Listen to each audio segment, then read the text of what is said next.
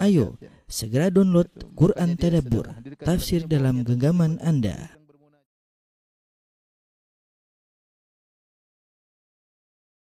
Bismillahirrahmanirrahim. Assalamualaikum warahmatullahi wabarakatuh.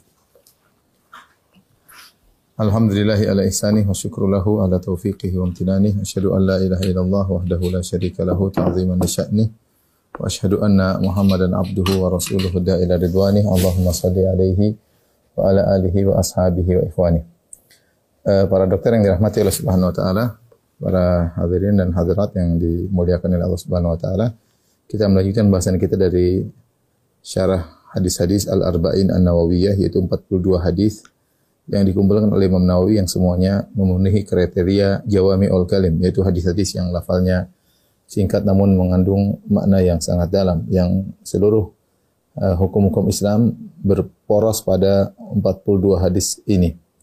Kita sampai pada hadis nomor 19 An Abil Abbas Abdullah bin Abbas radhiyallahu taala anhuma. Dari sahabat yang mulia Ibnu Abbas ya. Uh, yang bapaknya adalah Al Abbas bin Abdul Muttalib ya. Bapaknya Al Abbas bin Abdul Muttalib yang merupakan paman Nabi sallallahu alaihi wasallam.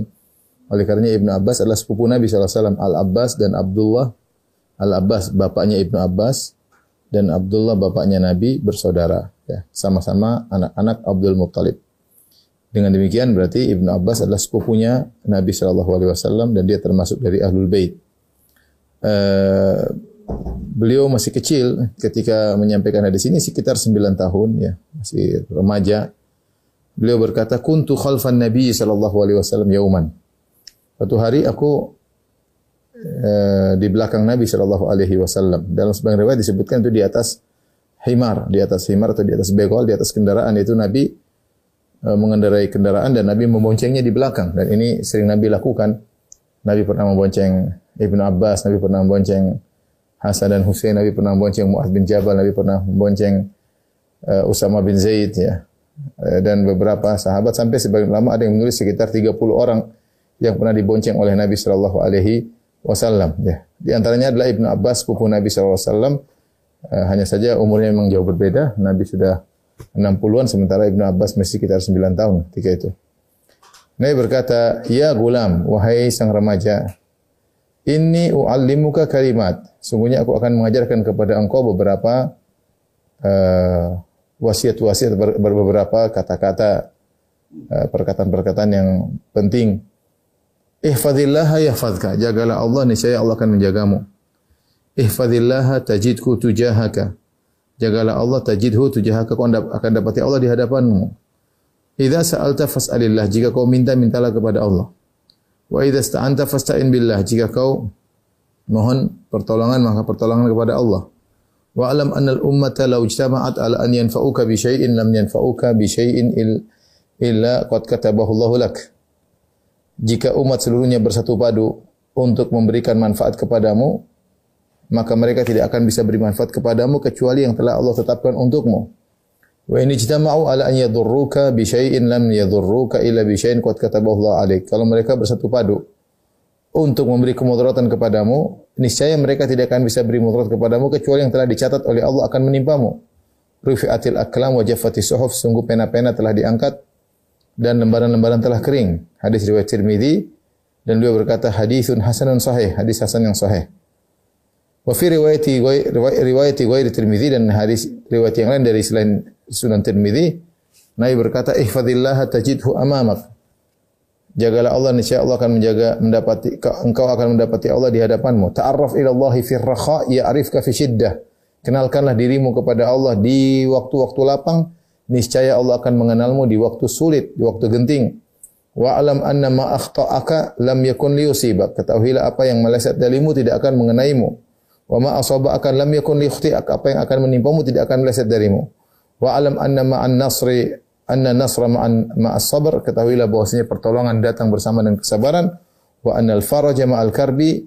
Ketahuilah bahwasanya solusi datang di, di, bersama dengan kegentingan bersama dengan penderitaan wa anna ma'al usri yusra dan bersama kesulitan ada kemudahan. Ini hadis yang cukup panjang uh, yang diriwayatkan oleh Ibnu Abbas. Tadi sudah kita jelas Ibnu Abbas adalah seorang sahabat spesial. Dia dikenal dengan uh, habrul atau habrul habrul ummah ya. Disebut habrul ummah karena uh, habr maksudnya adalah uh, apa namanya? Ilmu yang yang yang sangat luas ini. Karena memiliki beliau memiliki ilmu yang sangat luas. Dan beliau meninggal di Taif ya. Dalam usia 70 tahun sekian dan kalau bapak-bapak lagi umrah kemudian berjalan-jalan ke Taif niscaya biasanya dibawa oleh guide-nya ke Masjid Ibnu Abbas. Ada Masjid Ibnu Abbas masjid besar di agak jauh dari situ atau di sekitar situ ada kuburannya Abdullah bin Abbas radhiyallahu taala uh, anhuma kuburannya Abdullah bin Abbas radhiyallahu anhu dan dia pernah didoakan oleh Nabi SAW, Allahumma faqihu fid din wa alimhu ta'wil. Ya Allah, ajarkanlah kepada Ibnu Abbas agar dia faqih dalam agama wa alimhu ta'wil dan ajarkanlah dia mentakwil ya, yaitu tafsir Al-Qur'an. Mentakwil mesti tafsir Al-Qur'an. Oleh karenanya uh, hampir seluruh ayat-ayat yang kita dapati ditafsirkan oleh Ibnu Abbas. Kalau kita baca buku-buku tafsir yang bersanad yang menyampaikan perkataan para salaf seperti tafsir At-Tabari, misalnya tafsir Al-Baghawi atau tafsir Ibnu Katsir atau tafsir-tafsir yang lain biasanya setiap saat pasti ada tafsirannya Ibnu Abbas. Kalau bukan Ibnu Abbas, murid-muridnya seperti Mujahid bin Jabir dan yang lainnya, Ikrimah dan yang lainnya ya. Jadi intinya Ibnu Abbas lah mufassir uh, mufassirnya para sahabat, mufassirnya para sahabat yang terkenal dengan uh, kecerdasannya ya. Oleh karenanya dalam sebagian uh, rapat Umar bin Khattab radhiyallahu anhu ketika rapat di zaman Umar bersama senior-senior para sahabat, terkadang Umar ajak Ibnu Abbas. Dia, dia ajak Ibnu Abbas untuk hadir dalam rapat tersebut. Kenapa? Karena Ibnu Abbas meskipun dia masih sangat muda, dia layak untuk bermajelis dengan para senior. Kenapa? Karena dia memiliki ilmu. Bagaimana tidak memiliki ilmu sementara Nabi telah berdoa untuknya uh, yaitu uh, Allahumma faqihu fid din wa 'allimhu ta'wil. Ya Allah buatlah dia faqih dalam agama dan uh, ajarkanlah dia ilmu ilmu tafsir. Ya. Uh, beliau pernah ditanya ya. Dia namanya Abdullah, Abdullah bin Abbas. Beliau pernah ditanya ya uh, bagaimana dia mendapatkan ilmu maka dia menjawab bilisanin saul wa qalbin aqul ya wa badanin ghairi malul. Dia berkata dapat ilmu dengan sering bertanya wa qalbin aqul dengan uh, hati yang konsentrasi senantiasa konsentrasi ketika mendengar ilmu wa badan ghairi malul dan tubuh yang tidak bermalas-malasan. Ya tubuh yang tidak. Jadi memang harus semangat untuk ilmu. Ya harus semangat untuk ilmu. Uh, oleh karenanya Allah muliakan Ibnu Abbas radhiyallahu taala anhuma nah di sini Ibnu Abbas ketika sedang bersama Nabi umur beliau sekitar 9 tahun atau kurang lebih karena namanya gulam itu sekitar umur sekian sekitar Eh, sembilan tahun kurang ya. Dan Nabi membonceng di belakang Nabi SAW menunjukkan rahmat Nabi SAW. Perhatian Nabi kepada sahabat-sahabat yang masih kecil, yang junior, sampai Nabi membonceng uh, mereka. Kemudian Nabi SAW mengajarkan kepada Ibnu Abbas, eh, masih masih remaja, ya gulam ini u'allimuka kalimat. Wahai sang remaja, aku mengajarkan kepada engkau beberapa wasiat. Dan ini wasiat yang disampaikan oleh Nabi kepada Ibnu Abbas sementara dia usianya masih sangat muda, benar-benar menempel dalam benak Ibnu Abbas ya. Benar-benar menempel dalam benak Ibnu Abbas. Apalagi metode Nabi sebelum uh, uh, menyampaikan Nabi mengatakan kasih mukaddimah, wahai gulam, wahai sang remaja, aku ingin mengajarkan engkau suatu kalimat-kalimat. Dalam sebagian riwayat, ala u'allimuka kalimat, maukah aku ajarkan kepada engkau wasiat-wasiat? Uh, dengan seperti ini menjadikan menjadikan sang murid perhatian ya. Beda kalau Nabi hanya berbicara terus tanpa ada kasih mukadimah, terkadang sang murid tidak perhatian. Dan Nabi punya banyak metode agar menjadikan uh, para sahabat perhatian. Seperti Nabi terkadang mengatakan tiga perkara atau terkadang tujuh perkara, terkadang berapa perkara. Ya, ini menjadikan orang apa namanya uh, tertarik ya. Terkadang Nabi beri teka-teki. Uh, tahukah kalian uh, sungguhnya ada sebuah pohon yang keberkahannya seperti keberkahan seorang muslim? Lalu kasih teka-teki sehingga para sahabat semangat untuk menjawab. Terkadang Nabi memberi penawaran, "Ala u'allimuka kalimat, maukah aku uh, ajarkan kepada kalian beberapa wasiat kepada engkau wahai Ibnu Abbas?" Ya. Ya. Dan itu juga banyak seperti ala ukhbirukum bi nisaikum min ahli jannah, maukah aku kabarkan kepada kalian tentang uh, perempuan perempuan-perempuan penghuni surga, ya. Maukah aku kabarkan kepada kalian tentang suatu amalan yang jika kalian kalian lakukan akan kalian saling mencintai dan masuk surga. Rasulullah kasih penawaran-penawaran dan ini menarik perhatian orang yang mendengar. Ini metode dan seorang boleh berinovasi dalam uh, pengajaran. Yang penting bagaimana uh, audiens atau murid-murid bisa uh, perhatian ya. Bisa perhatian ya. Saya masih ingat dulu waktu saya di Madinah guru saya pengajar yang ngajar apa psikologi ya. Dia ngajar dia dia kadang sering bergerak, kadang ininya dirubah-rubah, terkadang dia nginjak kakinya di atas bangku, dia berbagai macam sehingga tidak ada tidak ada mahasiswa yang ngantuk kalau dia ngajar ya. Kenapa dia selalu membuat suatu hal yang membuat perhatian kepada uh, para audiens ya. Ini metode dan itu secara hukum asal hukumnya sunnah. Bagaimana kita memberi mukaddimah agar menarik perhatian dari audiens sehingga bisa konsen dengan apa yang kita sampaikan. Ya. Taib, adapun uh, nasihat tersebut beliau buka dengan ihfadillah yahfadka, ihfadillah tajidhu tujahaka. Ya. Jadi Nabi SAW berkata,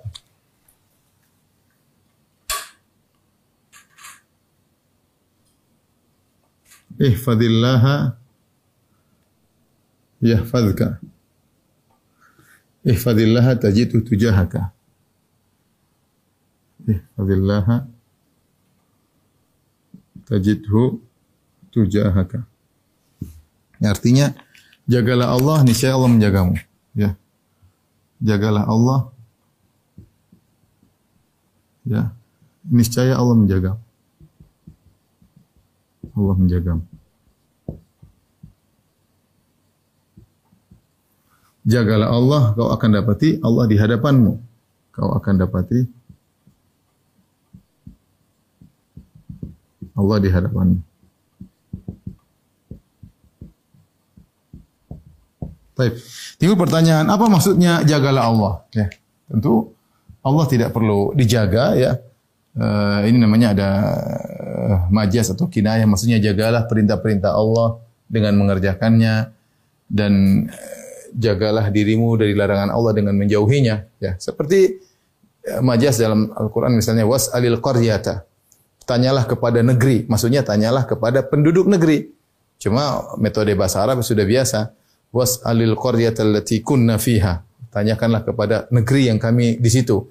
Maksudnya tanyakanlah kepada penghuni negeri. Sama ihfadillah maksudnya ihfad hududallah. Maksudnya takdirnya adalah jagalah Allah, maksudnya adalah uh, jagalah ya uh, batasan-batasan Allah. Hududullah. Bahasa maksudnya jalankan perintahnya, perintah-perintahnya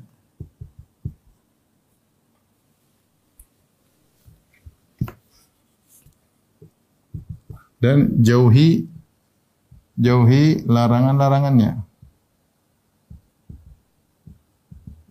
Ini maksudnya uh, jagalah Allah. Apa balasannya? Niscaya Allah akan menjagamu. Ini balasannya. Niscaya Allah akan menjagamu. Ini ada kaedah yang masyhur yaitu al jaza min jinsil amal. Ya. Al jaza min jinsil amal. Balasan sesuai dengan perbuatan. Dengan perbuatan dan seperti ini dalam Al-Qur'an banyak ya. Seperti firman Allah Subhanahu wa taala, "In tansurullaha yansurkum." Jika kalian menolong Allah, maka Allah akan menolong kalian, ya. ya. Jika kalian menolong Allah, Allah akan menolong kalian. Allah mengatakan, "Fadhkuruni adzkurkum." Ingatlah aku, aku akan ingat pada kalian ya aufu bi ahdi ufi bi ahdikum eh, penuhilah janji kalian kepadaku dan aku akan penuhi janjiku kepada kalian ya. dalam banyak ayat seperti itu jadi kalau kalian begini Allah begini kalau kalian begini Allah begini ya uh, maka timbullah kaidah al jaza min jinsil amal ya Tapi, maksudnya menjaga Allah menjaga perintah-perintahnya jauhi larangan jangan sampai ketika Allah perintah Allah kehilangan engkau tidak ada. Berarti salah. Harusnya ketika Allah perintah kau hadir, jalankan.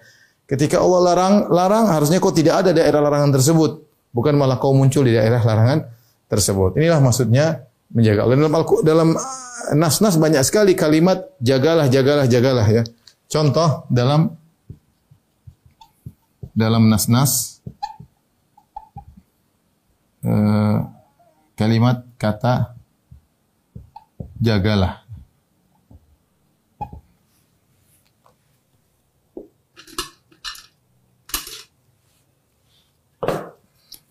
Contohnya hafizu ala salawati wa salatil wusta.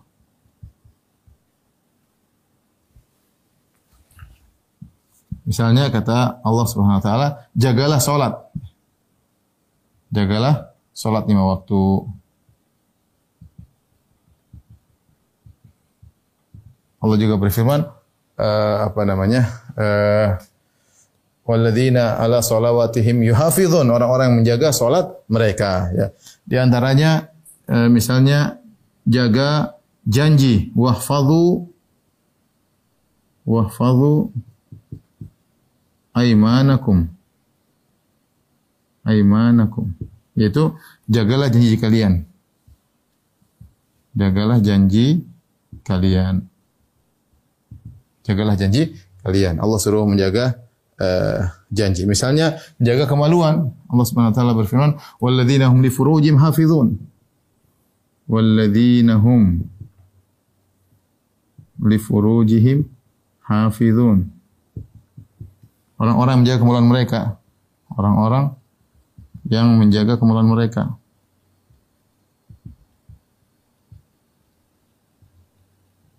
Seperti juga firman Allah Subhanahu wa taala, "Qulil mu'minin yaghuddu min absarihim wa yahfazu furujahum." Katakanlah kepada orang beriman, tundukkanlah pandangan mereka dan jagalah kemaluan, jagalah kemaluan kemaluan mereka. Jadi banyak hal yang Allah suruh kita untuk uh, menjaga. Seperti juga dalam hadis ya.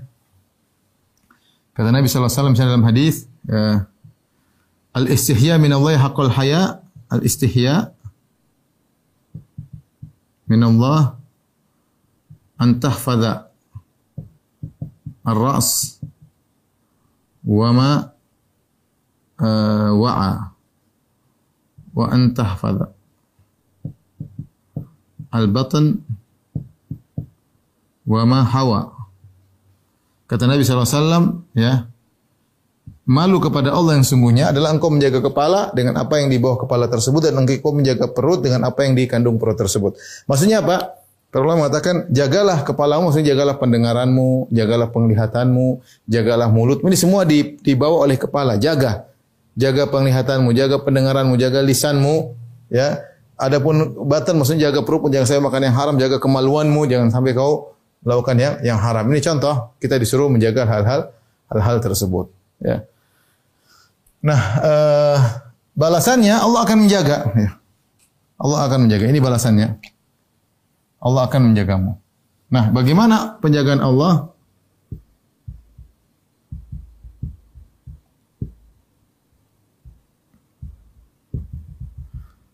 Uh, Allah menyebutkan, ya, yaitu Allah ada dua hal. Allah menjaga kemaslahatan duniamu dan Allah menjaga kemaslahatan akhiratmu.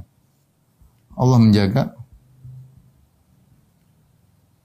kemaslahatan duniamu.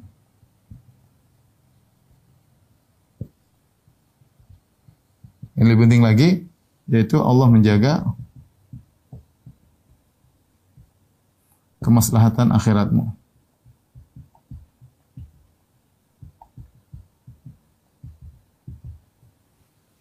Contoh Allah menjaga kemaslahatan uh, dunia ya seperti Allah akan menjaga keluargamu, menjaga anak-anakmu, menjaga kesehatanmu, ya.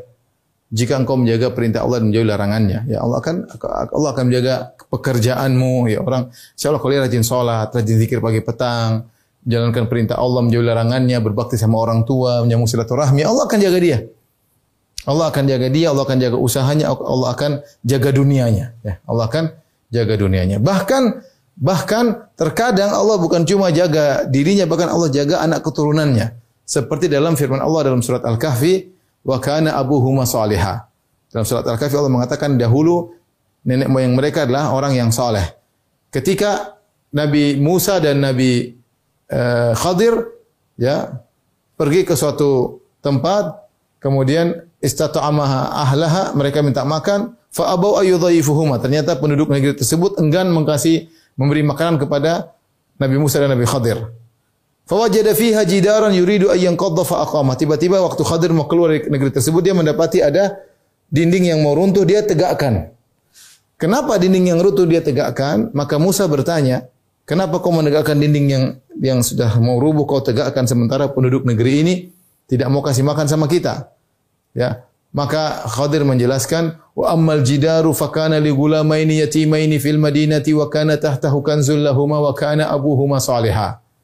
Fa arada rabbuka yablugha ashuddahuma wa yastakhrija kanzahuma rahmatan min rabbik wa ma fa'altu an amri.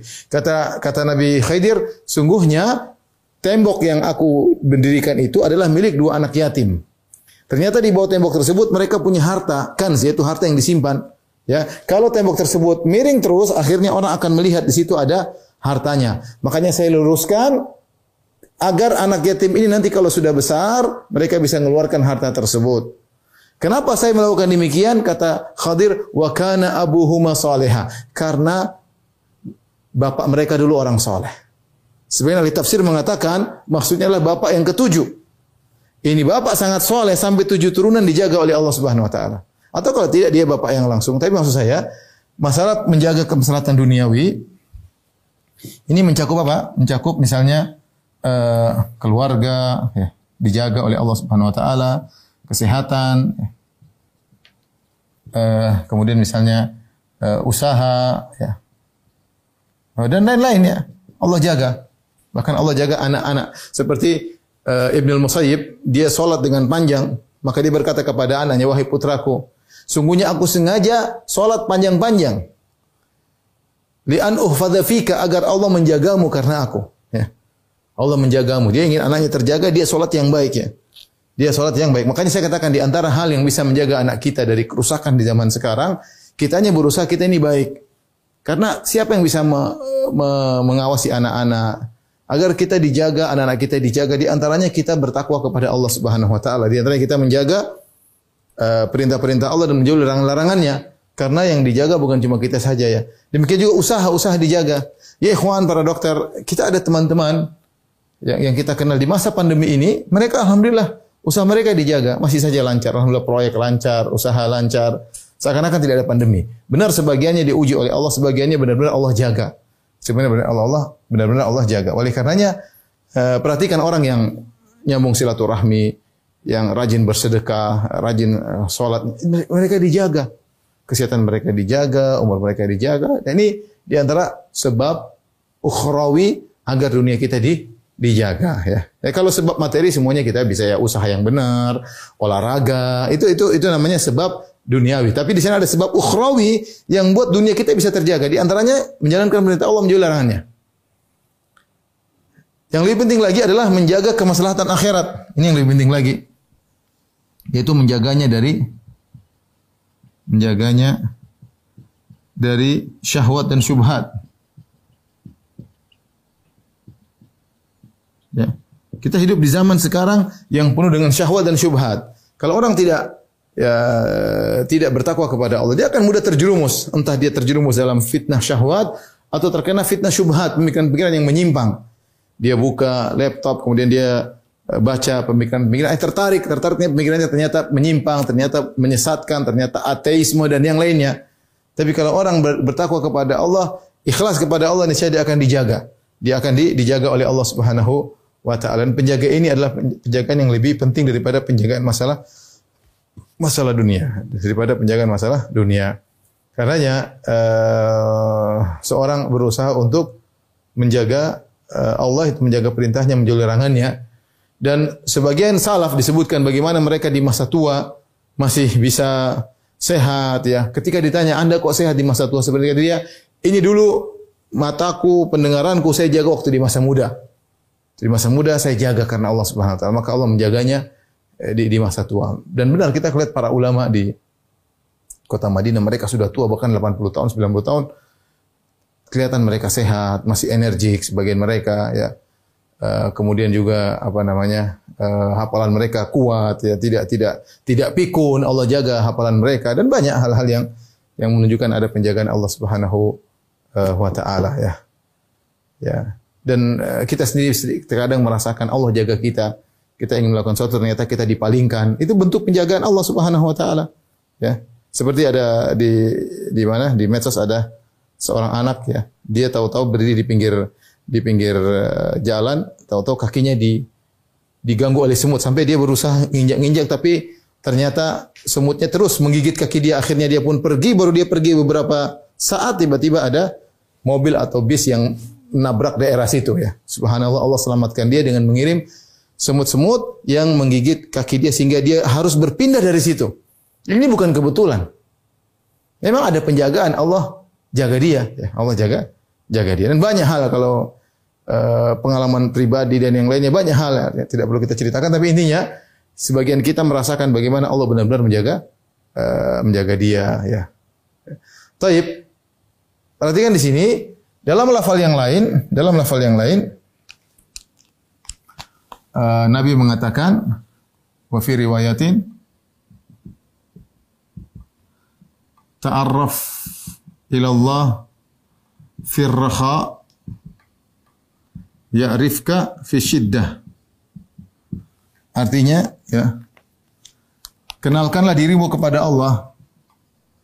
Kenalkanlah dirimu kepada Allah. Di waktu lapang apa balasannya? Niscaya Allah mengenalmu di waktu genting. Ini ada uh, pentingnya seorang pentingnya seorang untuk beribadah banyak beribadah di waktu lapang ya. Pentingnya beribadah di waktu lapang. Banyak orang baru ingat kepada Allah Ketika susah, ya. Ketika susah, jangankan orang Islam, orang-orang kafir pun demikian. Allah mengatakan, "Wa idza raqibu fil fulki da Allah mukhlishina lahuddin." Ketika orang-orang musyrikin Arab berlabuh di lautan kemudian ombak begitu besar, mereka berdoa kepada Allah dengan ikhlas. Jadi, kalau mengingat Allah dalam kondisi sulit itu banyak. Banyak orang bisa melakukan. Yang, yang, yang jadi perhatian bagaimana seorang mengingat Allah di waktu lapang, ketika dia lagi naik jabatan, ketika dia lagi gaji dinaikkan, ketika dia lagi sehat-sehatnya, ketika lagi bugar-bugarnya, dia ingat Allah Subhanahu wa taala. Di waktu lapang dia ingat Allah Subhanahu wa taala. Apa maksudnya ta'arraf? Kenalkanlah ya. Kenalkanlah. Sebagian sebagian ulama seperti Syekh Utsaimin menafsirkan tamallaq yaitu cari mukalah kalau bahasa kita cari mukalah kepada Allah. kepada Allah di waktu lapang. Bagaimana cara muka ikhlas ya. Bangun malam sholat, ada duit sedekah, biar Allah kenal kita. Allah sudah tahu kita semua, tapi maksudnya pengenalan khusus.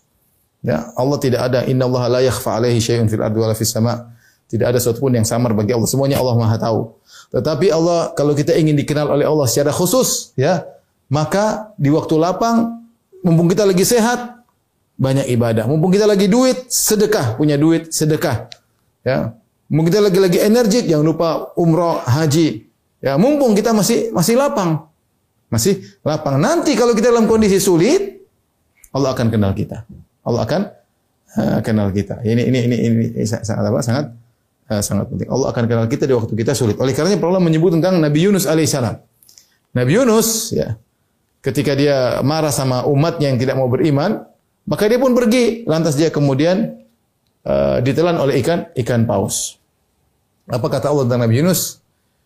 Maka di dalam perut dalam perut ikan ketika itu fanada fi dhulumat Nabi Yunus alaihissalam dia menyeru kepada Allah di dalam kegelapan-kegelapan. Ada tiga kegelapan yang meliputinya kata para ulama. Pertama kegelapan perut ikan. Dia di dalam perut ikan nggak ada lampunya tentunya ya. Gelap. Kemudian di dalam kegelapan malam ketika itu di malam hari. Kemudian di dalam kegelapan lautan, tiga kegelapan meliputinya. Siapa yang mau dengar perkataan dia? Sementara di dalam perut perut ikan paus, nggak ada sinyal, ya, nggak ada sinyal di situ, ya, ya ada sinyal. Tapi dia bisa connecting dengan Allah Subhanahu Wa Taala. Dia mengatakan, La ilaha illa anta subhanaka. Fanada fi dhulumati an la ilaha illa anta subhanaka inni kuntu minadh zalimin. Maka dia menyeru dalam dalam perut ikan paus dia berkata tidak ada sembahan yang berhak disembah kecuali Engkau ya Allah. Ini kuntu minadh zalimin sungguhnya aku termasuk orang yang bersalah berbuat zalim. Allah berfirman, "Falaula annahu kana minal musabbihin lalabitha fi batni fi batnihi ila yaumi yub'atsun." Kalau bukan Nabi Yunus dahulu suka bertasbih ketika dia masih dalam kondisi lapang, dia suka sholat sunnah, dia suka bertasbih, maka kami pun menyelamatkan dia. Kalau tidak, dia akan berada dalam perut ikan paus sampai hari kiamat.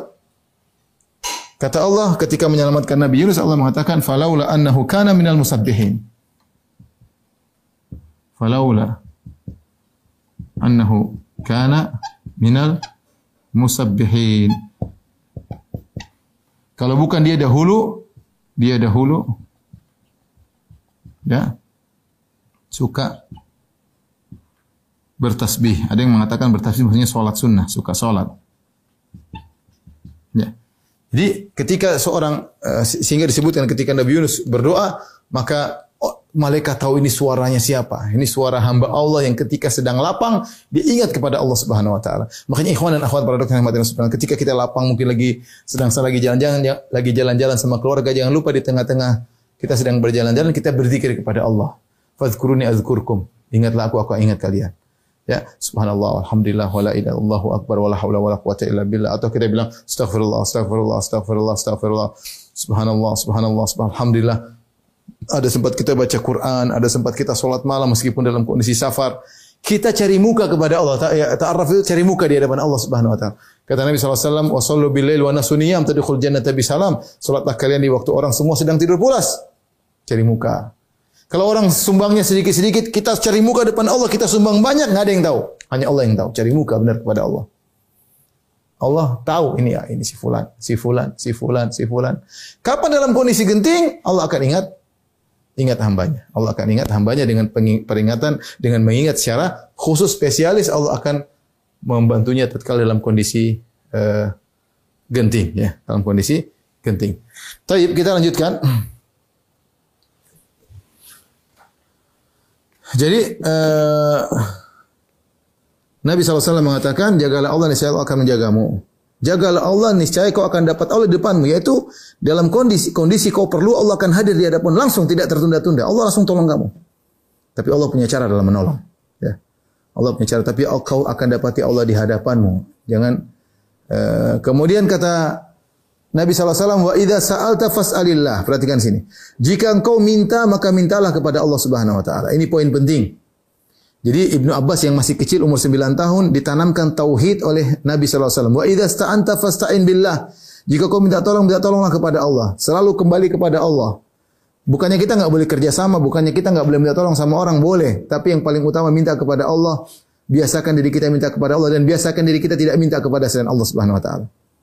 Biasakan dari kita tidak minta kepada selain Allah. Karena dulu sebagian sahabat mereka membaiat Nabi SAW. Di antara isi bait mereka, Allah tas'aluna nasa syai'an. Jangan kalian minta kepada manusia apa pun. Tidak boleh minta. Jangan sedikit-sedikit minta, minta, minta. Jangan. Usahakan kerja sendiri. Jangan minta sama orang. Ya beda kalau anak buah kita gaji. Kenapa? Kalau kita sering minta, maka ini mengurangi mengurangi tauhid kita kepada Allah Subhanahu. Kalau minta-minta kepada Allah, Allah akan gerakan hati orang tersebut membantu kita ya tapi mintanya kepada Allah Subhanahu wa taala ya makanya Ibnu Taimiyah rahimahullah punya perkataan yang indah. Dia mengatakan uh, ihtaj ila man syi'ta takun asirahu. Wastaghni amman syi'ta takun nadhirahu. Wa ahsin ila man syi'ta takun amirahu. Kata Ibnu Taimiyah rahimahullah tiga perkataan uh, butuhlah engkau atau ini butuh ini orang Malaysia enggak cocok kata butuh ya. Maksudnya perlulah engkau kepada orang lain niscaya kau akan menjadi tawanannya. Artinya apa kalau kau sering minta bantuan kepada orang, minta bantuan kepada orang, akhirnya kau punya utang budi banyak sehingga kau seakan-akan tawanannya, seakan-akan kau rendah di bawahnya. Ihtaj ila man syi'ta takun asirahu. Jadilah engkau selalu perlu kepada dia, butuh kepada dia dan kau akan menjadi uh, tawanannya. Kemudian apa? Wastaghni amman syi'ta takun uh, nadhirahu dan tidak perlu kau berusaha untuk tidak perlu kepada orang lain maka kau akan jadi seperti dia. Kita misalnya si A si B, si A miskin, si B kaya raya, tapi si A tidak pernah minta-minta kepada si B. Tidak pernah. Jadilah mereka seperti sejawat ya, meskipun kedudukannya berbeda ya. Dia tidak berani meng menghina-menghina. Kenapa dia tahu teman ini tidak bukan minta-minta? Ya. Jadilah dia nadhirahu sebanding dengan dia. Wa ahsin ila man dan berbuatlah baik kepada orang lain takun amirah aku akan aku akan menjadi pemimpinnya. Kalau kita berbuat kepada orang baik kepada orang lain, orang tersebut akan akan baik sama kita dan akan nunduk kepada kita. Sebagaimana perkataan seorang penyair, ah, ah apa namanya? Uh, fatalama istaqbadal insan al ihsanu ya. Betapa sikap berbuat baik kepada orang lain, ahsin ilan nasi tasta'bid qulubahum. Berbuat baiklah kepada masyarakat, kepada orang-orang kau akan mengambil menawan hati mereka. Fatalama istaqbadal insan al ihsanu betapa kuat sikap berbuat baik akan menarik hati uh, seseorang. Oleh karenanya ketika kita sering minta kepada orang kepada manusia, kita semakin hina di hadapan dia. Ini otomatis. Dan ketawakal kita kepada Allah semakin kurang. Menjadilah nilai-nilai tauhid kita menjadi luntur karena kita sering-sering berharap kepada manusia, sering-sering berharap kepada manusia. Ya. Maka jadilah orang yang selalu berharap kepada Allah. Latih diri untuk tidak minta kepada Allah. Sampai Nabi dalam sebagian riwayat mengajarkan minta perkara kecil kepada Allah. Kata Nabi SAW, Yas'ala ahadukum rabbahu hatta syi'athani na'lihi. Mintalah salah seorang kalian kepada Allah sampai masalah tali sendalnya. Kalau tali sendalnya rusak, minta sama Allah. Jangan minta sama orang. Ya. Ya, kita boleh berusaha setelah itu ke bengkel atau apa kita bayar, tapi kita berdoa kepada Allah, ya Allah perbaikilah tali sendalku. Misalnya ya Allah perbaikilah motorku lah, ya Allah perbaikilah uh, apa kayak ya. Tapi kita minta kepada Allah Subhanahu wa taala ya.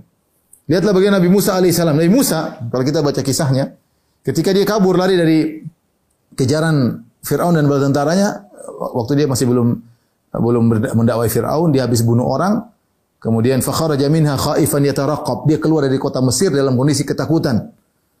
Kemudian dia lari, lari, lari, lari tidak karena tiba-tiba dia lari ada orang mengatakan fakhruj inni laka minan nasihin innal mala'at tamirunaka bika. Liyaqtuluk. Kata kata seorang wajah min aqsal madinati rajulun yas'a. Ada seorang datang wahai Musa sungguhnya uh, prajurit atau pasukannya Firaun sedang berkumpul ingin bunuh engkau pergilah engkau maka Musa kabur tanpa persiapan, tidak bawa kendaraan, tidak bawa makanan, tidak bawa bekal sehingga dia melewati pergi meninggalkan Mesir sampai ke negeri Madian dengan penuh kelaparan. Sampai disebutkan dia makan daun-daun hijau sampai tubuhnya warna kehijau-hijauan ya karena saking banyak benda-benda hijau yang dia makan.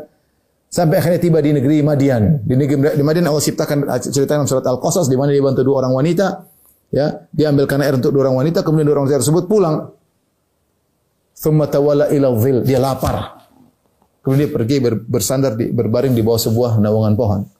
Rabbi ini lima anzalta ilayya min khairin faqir. Kemudian dia berdoa. Dia lapar. Ya Allah, aku ini butuh kebaikan darimu ya Allah. Kata para ulama, dia lapar, dia minta makan. Akhirnya Allah kabulkan.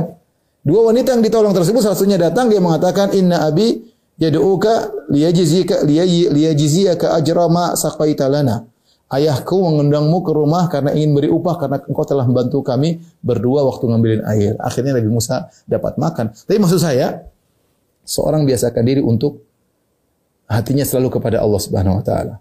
Kita kalau berharap kepada manusia selalu kecewa, ya, sering kecewanya. Maka berharaplah kepada Allah. Setelah itu kita berikhtiar. Tapi hati ini hendaknya senantiasa meminta kepada Allah. Semakin Anda tidak minta kepada orang, semakin Tawakal Anda semakin tinggi, tauhid Anda semakin tinggi. Jangan sedikit-sedikit, eh minta ke ini minta tolong ke ini ke traktir dong, traktir dong. Eh, jangan, jangan biasakan demikian. Biasakan kita nggak minta kecuali hanya kepada Allah Subhanahu wa taala. Ini memperkuat tauhid seseorang. Bahkan sebagian ulama tidak menganjurkan seorang minta-minta doa kepada orang lain. Kalau nabi iya, nabi spesial. Orang datang kepada nabi, orang nabi berdoa dikabulkan ya. Ya. E, seperti itu ya. ya. Tapi selain Nabi, bukan kebiasaan para salaf dahulu. Sedikit-sedikit, eh doain aku ya, doain, doain gue ya, doain gue. Tidak. Ya. Itu bukan kebiasaan para salaf. Sampai disebutkan sebagian, sebagian sahabat ketika diminta doa, dia mengatakan, Lasna ambiya kami bukan para nabi, diminta-mintain doa. Kenapa mengajarkan? Boleh kita minta doa kepada orang, boleh. Tetapi lebih baik kita langsung minta kepada Allah. Makanya Ketika Rasulullah berkata, "Idza sa'alta jika kau minta, fas'alillah." Minta kepada Allah tidak Nabi tidak mengatakan jika kau minta mintalah kepada orang soleh. Perhatikan, Nabi tidak mengatakan jika kau minta mintalah kepada orang soleh. Nabi tidak mengatakan demikian. Nabi mengatakan jika kau minta mintalah kepada Allah. Artinya connecting langsung kepada Allah. Dan Allah berkata, "Wa idza sa'alaka ibadi anni fa inni qaribun ujibu da'wata da'i da'an." Jika orang-orang bertanya kepada engkau Muhammad tentang aku, katakanlah aku sangat dekat mengabulkan permohonan orang yang berdoa kepada aku. Allah tidak mengatakan mintalah lewat ini, minta lewat anu, enggak. Ya, artinya e, boleh meskipun boleh kita minta doa kepada orang lain, tapi yang paling afdal seorang berdoa langsung kepada Allah dengan penuh keyakinan, ya, uh, tawakal kepada Allah dan mohon kepada Allah. Jadi jangan biasakan kita sedikit minta ya, nggak bagus ya. Hmm, sering minta-minta kepada orang itu menurunkan tauhid kita dan menurunkan tawakal kita kepada Allah. Wa idza sta'anta fasta'in billah, jika kau minta tolong minta tolong kepada Allah Subhanahu. Demikian juga ada masalah. Allah mengatakan wasta'inu bis sabri was salat. Jadikanlah sabar dan salat sebagai penolongmu. Minta kepada Allah. Wa alam annal ummata law ijtama'at. Perhatikan. Kemudian Nabi ajarkan kekuatan keyakinan kepada Ibnu Abbas. Ketahuilah jika seluruh umat bersatu padu untuk beri ala an yanfa'uka bi syai'in untuk berikan manfaat kepada engkau dengan suatu manfaat lam yanfa'uka illa bi syai'in qad katabahu Allahu lak mereka tidak akan bisa beri manfaat kepada engkau kecuali yang telah Allah catat bagimu. Wa ini jitama'u. Kalau mereka bersatu padu, ala an yadurruka bi syai'in. Untuk memberi mudarat kepada engkau, lam yadurruka. Mereka tidak bisa beri mudarat kepada engkau illa bi syai'in qad katabahu alaik. Kecuali apa yang telah Allah tetapkan akan menimpamu. Kenapa? Rufi'atil akram wa jaffati suhuf. Pena-pena sudah diangkat, lembaran lauhil mahfuz sudah kering, sudah ditakdirkan. Ini membuat orang tawakal. Ketika dia tahu hadis seperti ini tentang masalah tadi, tawakal. Kalau memang tidak ditakdirkan, saya tidak akan apa namanya? Tidak akan terkena ya. Katakanlah kullu yusibana illa ma kataballahu lana. Katakanlah tidak akan menimpa kami kecuali apa yang telah Allah tetapkan. Seorang kuat bertawakal jangan sedikit-sedikit cemen, sedikit-sedikit penakut, enggak, bertawakal kepada Allah. Minta tolong kepada Allah jalan. Kalau Allah tidak takdirkan tidak bakalan tidak bakalan kena. Tidak bakalan kena Uh, tapi tentu berusaha ikhtiar bukan berarti tidak ikhtiar tapi ikhtiar dan dengan keyakinan kalau Allah tidak berkehendak maka tidak akan terkena. Ya. Uh, tentu ikhtiar ya bukan bukan bukan bukan nekat ngawur ya, bukan nekat ngawur ya. ya. Taib uh, ini mengajarkan bahwasanya segala perkara sudah ditakdirkan oleh Allah Subhanahu wa taala. Makanya Eh, dalam riwayat yang lain kata Nabi wa alam anna ma akhta'aka lam yakun liyusibak. Ketahuilah apa yang meleset darimu tidak akan kau dapatkan. Wa ma asabaka lam yakun liyukhti'ak dan apa yang menimpamu tidak akan bisa terluput darimu. Ini ada ini pentingnya kita belajar akidah. Allah mengatakan dalam surat Al-Hadid, "Ma asaba min musibatin fil ardi wala fi anfusikum illa fi kitabim min qabli nabra'aha." Inna dzalika 'ala Allah yasir likay la ta'saw 'ala ma fatakum wa la tafrahu bima atakum. Wallahu la yuhibbu kulla mukhtalin fakhur musibah apa pun yang menimpa kalian di bumi atau menimpa diri kalian kecuali telah tercatat di Lauhil Mahfuz. Buat apa? Dan itu mudah bagi Allah untuk mencatat kemudian Allah mentakdirkan dan Allah eksekusi sehingga terjadi apa yang terjadi sesuai dengan catatan Allah. Saya telah berkata, "Likaila ta'saw ala ma fatakum." Agar kalian tidak putus asa atas apa yang telah luput dari kalian. Jangan terlalu bersedih. Kita boleh sedih, tapi kita tahu sudah ditakdirkan. Ya, seorang berusaha, misalnya dia daftar ternyata tidak lulus. Dia bilang apa? Qadar Allah masyafa. Ini sudah tercatat 50 ribu tahun sebelum Allah ciptakan langit dan bumi bahwa saya tidak lulus. Mau diapain? Yakin di baliknya ada kebaikan. Ya, yakin di baliknya ada kebaikan. Apa yang Allah bilang luput darimu kau tidak akan dapat meskipun sudah berusaha. Semaksimal mungkin kalau kau tidak dapat yakin sudah ditakdirkan. Berarti bukan itu yang baik bagimu. Ya. Sebaliknya terkadang orang usahanya cuma sedikit atau dia dapat. Belajarnya santai-santai, tahu-tahu lulus, tahu-tahu ya, eh, sudah ditakdirkan dia seperti itu. Maka kalau Anda berhasil mendapatkan sesuatu, maka jangan sombong ya. Kalau Anda terluput dari sesuatu, jangan terlalu bersedih. Semuanya sudah ditakdirkan. Ya, semua sudah di, ditakdirkan. Seorang hanya ikhtiar dan dia tidak tahu takdirnya apa. Maka lakukanlah, ikhtiarlah akan tersingkap bagimu apa takdirmu. Ya. Kalau kita sudah berusaha ternyata tidak berhasil, ya sudah berarti takdirnya seperti itu. Kalau kita berusaha ternyata berhasil, ya takdirnya seperti itu. Dan semuanya kita kembalikan kepada Allah Subhanahu wa taala. Taib, uh, kemudian uh, di akhir riwayat kata Allah Subhanahu wa taala kata Nabi SAW, wa alam anna nasr ma'a sabri. Ketahuilah pertolongan muncul bersama kesabaran. Seorang kalau bersabar nih saya pertolongan Allah akan datang. Banyak orang tidak dapat pertolongan kenapa? Karena kurang sabarnya, ya. Kurang sabarnya. Tapi kalau dia uh, bersabar. Wallahu ma'asabirin Allah bersama orang-orang yang sabar maka Allah akan turunkan pertolongan. Wa annal faraja ma'al karab. Dan bahwasanya solusi muncul bersama dengan penderitaan. Dalam kesulitan tiba-tiba Allah berikan uh, solusi. Wa anna ma'al usri yusra. Bersama kesulitan ada kemudahan. Bersama kesulitan ada kemudahan. Ini sudah saya pernah bahas dalam tafsir uh, insyirah bahwasanya uh, kemudian itu datang bersamaan dengan kesulitan. Tergantung bagaimana seorang menghadapinya. Kalau dia menghadapinya tawakal kepada Allah, maka ini akan terwujudkan. Sungguhnya ke, kemudian datang bersama dengan kesulitan. Tapi kalau dia tidak bertawakal kepada Allah, dia ngamuk-ngamuk kepada Allah, maka tidak terwujudkan baginya ayat-ayat tersebut. Inna ma'al usri yusra. Allah alam bisawab demikian saja kepada para dokter, kepada para guru. Saya mohon maaf atas segala kekurangan. Insya Allah kita bersua di kesempatan yang lain. Wabillahi taufiq walidayah. Assalamualaikum warahmatullahi wabarakatuh.